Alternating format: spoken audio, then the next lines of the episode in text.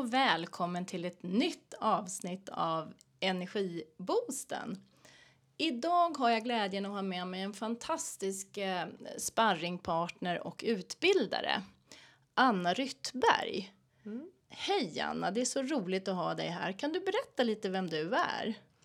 Ja, sparringpartner, precis. Eh, jag är coach, utbildare och läser också vidare nu till eh, terapeut, samtalsterapeut inom Acceptance and Commitment Therapy som är en KBT-terapi egentligen.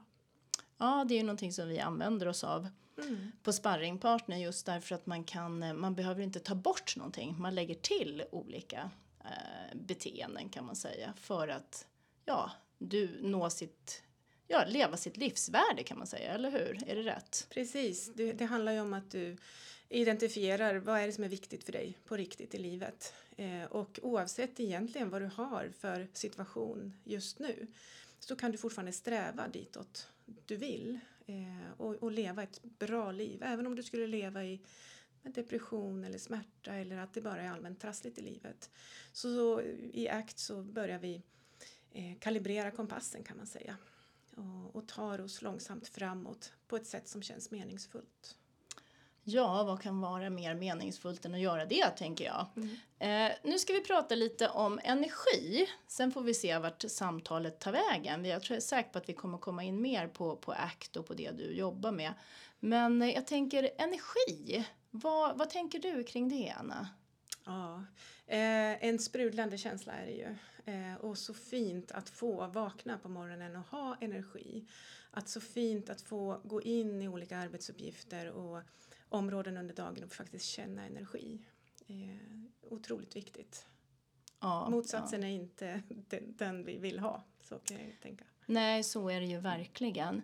Eh, nu vet jag att du har förberett dig lite grann för idag för att mm. du är en person som tycker om att vara förberedd och veta vad som ska hända för att då blir det alltid bäst. Eh, så jag är lite nyfiken på vad du vill prata om idag.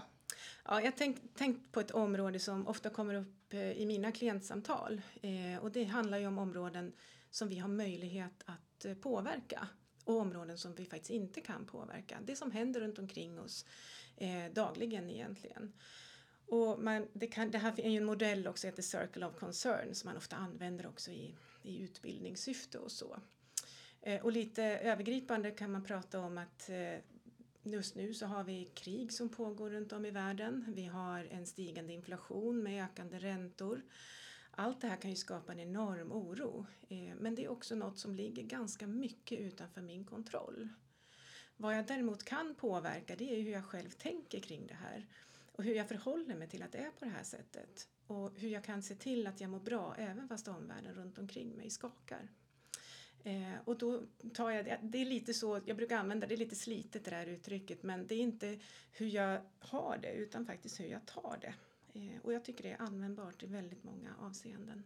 Ja, ja det är ju en av eh, de viktigare verktygen tänker jag just när man ska vara energimedveten och försöka hålla koll så att man inte tappar energi i onödan. För orosmoln som finns där man inte, ja, när man ändå inte kan påverka någonting, mm. precis som du säger, de är ju väldigt, alltså dels gör de ju ont, det är, det är inte roligt att vara orolig, det är jättejobbigt. Men sen dessutom så tar det väldigt mycket energi utan att man får tillbaka någonting av det helt enkelt. Mm. Ja men det suger ju verkligen energi och, och, kan skapa en enorm oro som ligger och gnager. Jag kanske får problem att sova, får problem att motivera mig. Eh, jag blir ju också sannolikt en ganska kanske jobbig människa att umgås med för att det, jag har inte siktet inställt framåt utan jag är orolig över saker och ting i min omvärld som, som stressar mig. Och här gäller det ju att lyfta blicken lite grann. Vad om det här är egentligen, det kan vara väldigt viktiga saker. Det är klart att det kan handla om att jag kanske behöver fundera på om jag måste sälja mitt hus nu. Hur ska jag kunna försörja min familj här framåt? Och vet att vi ligger lite på gränsen räntemässigt om vi nu går in på den frågan. Men och, trots det så behöver jag kunna se vad kan jag göra här och nu? Och vad är det, kan jag förändra på något sätt mitt sätt hur jag förhåller mig kring det här? För ränteläget kommer att ligga där det ligger i alla fall. Även om jag ligger vaken till klockan tre på morgonen och oroar mig över det. Mm. Ja, jag brukar ju, jag brukar ju själv eh, med mig själv men också rekommendera andra såklart men fundera på vad, vad kan jag göra om det värsta händer? Alltså att, så att jag har en liten plan som jag kan luta mig mot. Därför att då känner jag genast att jag får mer kontroll över situationen. Även om jag inte kan påverka räntorna så kan jag fundera på vad kan jag göra om räntan går upp en procent till? vad blir mina handlingsalternativ i så fall? För att då kan jag släppa den sen. Då har jag ändå liksom gjort en plan för vad som ska hända. Är det någonting som, som, som du skulle kunna rekommendera att man gör? Eller hur pratar du kring de här frågorna? Ja men så är det ju. Alltså se, se att du ändå har kontroll över din situation. Att du, du vet, om, om vi nu, nu blir mycket prat om pengar och räntor här. Men, men, det är också en slags energi kanske. Ja och det, jag tänker det är också någonting som stressar ja. normalt sett och man oroar sig för det ganska ofta faktiskt tyvärr. Men så, men så är det ju. Och där är det ju, vad av det här som händer kan jag kontrollera? Jag kan faktiskt kontrollera hur det ser ut i mina månatliga utgifter. Vad har jag för kostnader som, som jag behöver ha kontroll på kanske? Och, och på så vis så förstår jag ju då också, går det upp en procent här räntan, ja då kommer det att påverka mig på det här sättet.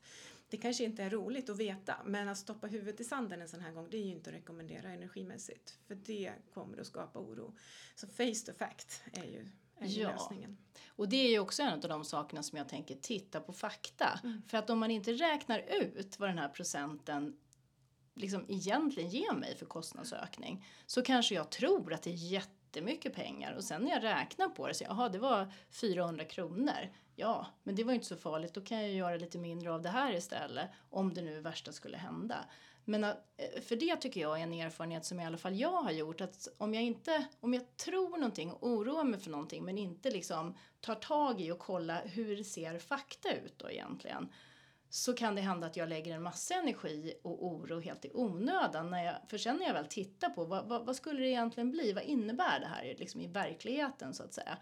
Så är det inte alls så stort och mycket som jag har inbillat mig att det skulle kunna vara.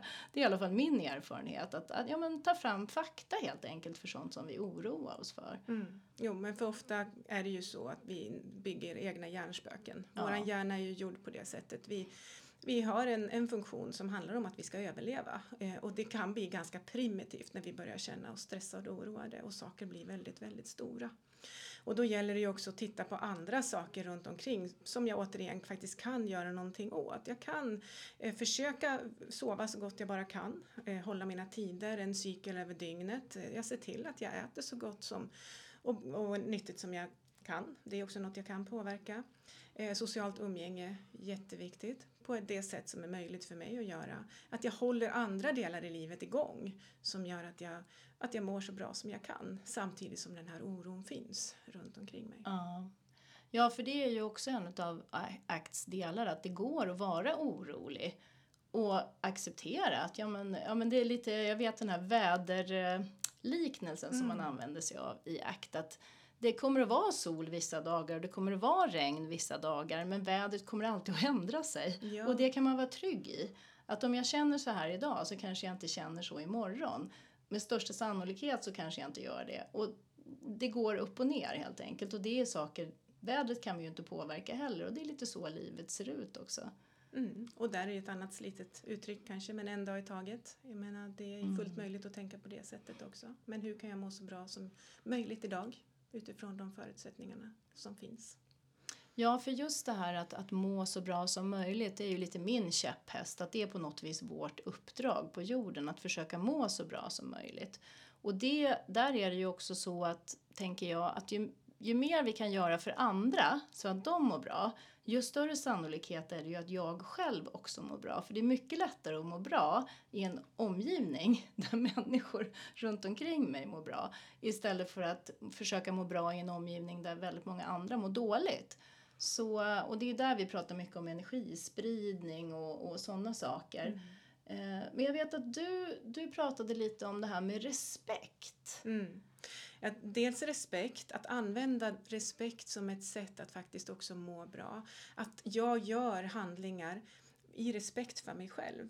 Eh, att jag tar hand om mig själv på ett sätt som, som jag vet att jag mår bra av och det är att visa mig själv respekt. Men också göra saker för andra för att visa andra respekt. Och där kommer ett annat fint ord in som är generositet som du, jag tror du mm. precis var inne på att tänka utifrån att man kan vara generös för på något sätt så sprider det en väldigt, väldigt god energi eh, vidare. Och, och det kostar inte jättemycket med ett leende. Det kostar inte jättemycket med att hålla upp en dörr eller hjälpa någon på vägen. Eh, och jag skulle säga att i de allra flesta fall så får du tillbaka det men kanske i en annan handling två timmar senare. Mm. Men att leva i ett eh, mode som är, ja, består av generositet det, det, det bygger oss väldigt starka och, och ger oss väldigt mycket energi. Mm, ja, det är ett väldigt fint ord. Det har inte jag tänkt på men det är det ju verkligen. Och jag tycker att det där är så roligt därför att om man, ju mer jag kan jag menar, alltså leva i generositet, om vi använder det ordet, desto bättre kommer jag må oavsett om jag får tillbaka. Alltså för någonstans så är det ju ändå så att det är härligare att få ge än att få faktiskt. Mm. Uh, och där är det ju lite så knäppt, för i alla fall jag och jag vet flera med mig är sådana som har svårt för att be om hjälp själv. Men däremot älskar jag när någon annan ber mig om hjälp för då känner jag mig väldigt smickrad och glad. Oh, de, vill, eh, de, de, de, de tänker att jag kan bidra med någonting här. Det är ju fantastiskt.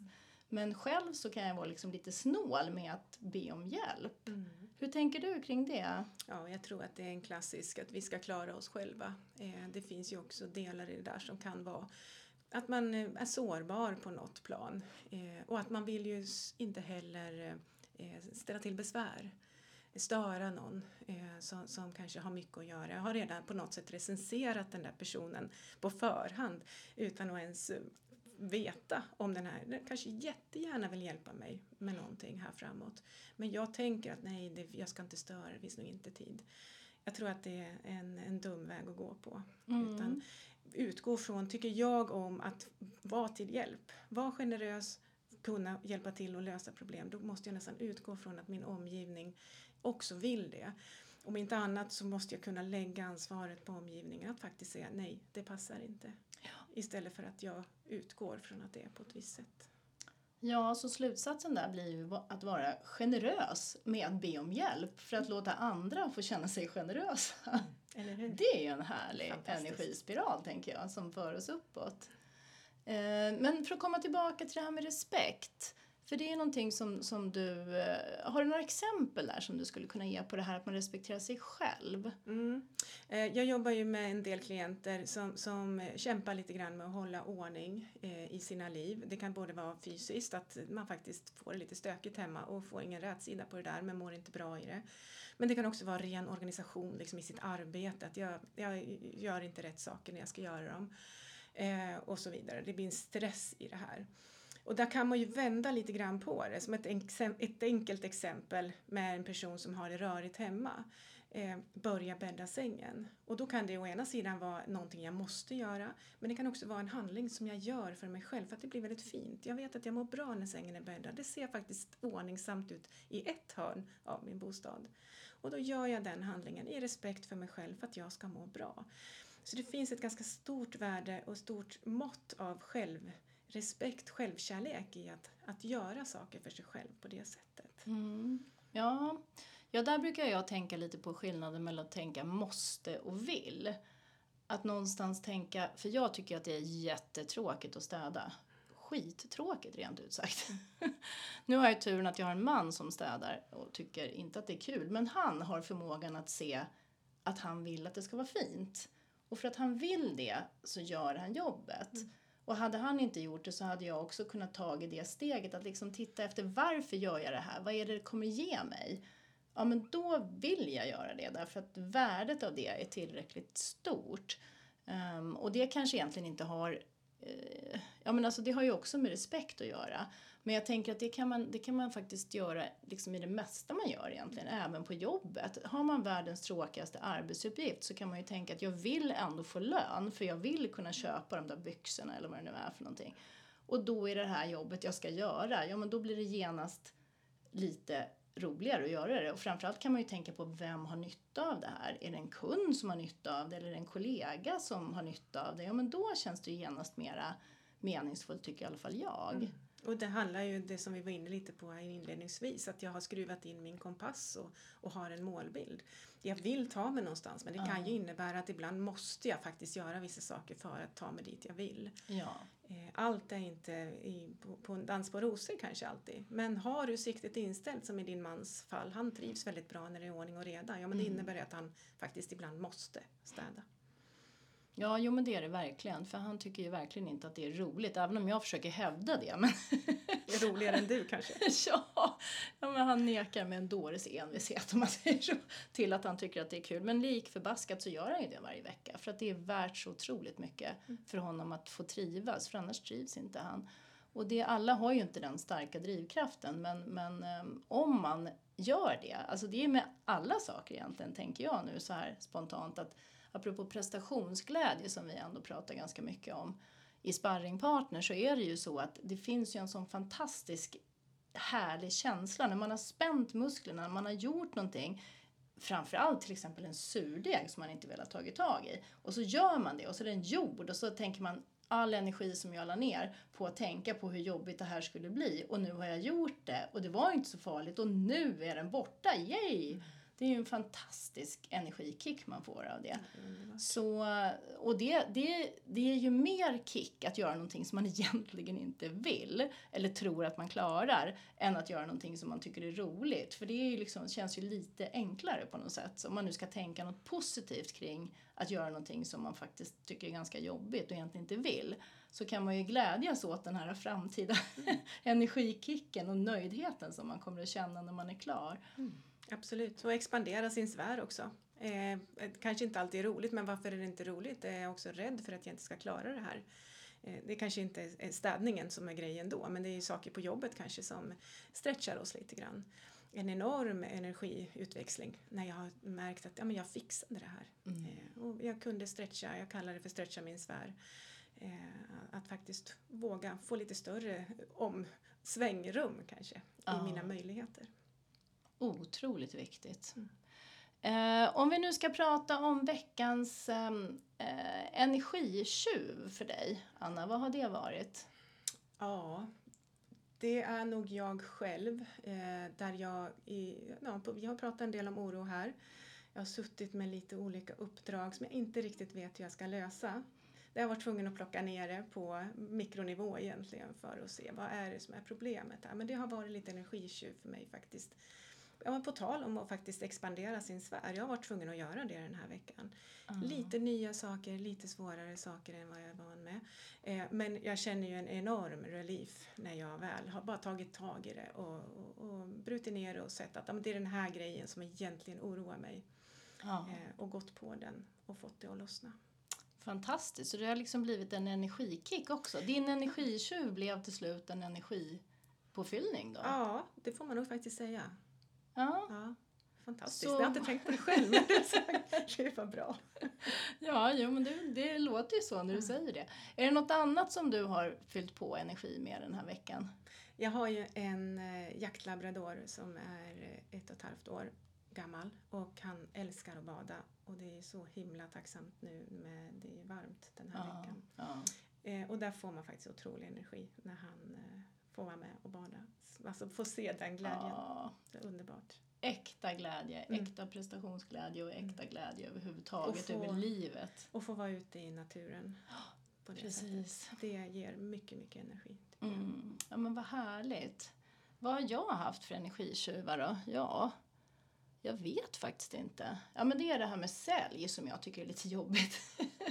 jag håller på och lär mig mer hur man ska sälja men det, är- det är lite svårt tycker jag.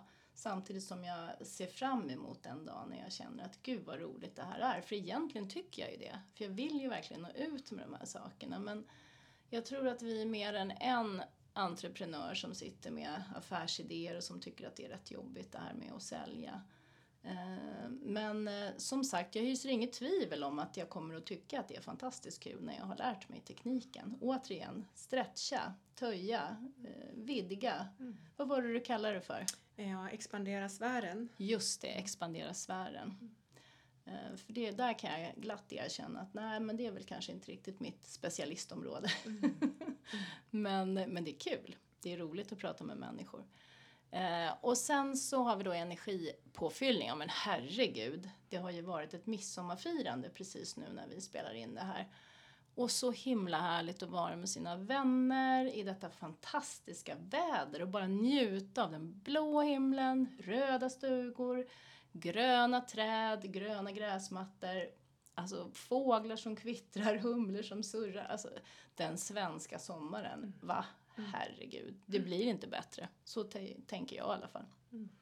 Och med de orden så, ja, så har vi något veckans energitips då? Vad vill du ge för tips? På tal om den svenska sommaren, gå barfota. Ah. Det är så fantastiskt fint för hela, hela kroppen och få känna att vi faktiskt har kontakt med jordytan. Och får både magnetism och jordning i den, med hjälp av att gå barfota. Ah, härligt! Tusen tack för att du var med idag Anna. Jättehärligt och roligt att få höra dina tankar och dina, din, få del av din kunskap. Fantastiskt, tack. tack för att jag fick vara med. Och tack till dig som har lyssnat. Jag hoppas att du har fått med dig en del roliga saker. Hör av dig om du vill vara med själv och prata. Tack, tack. Hej då.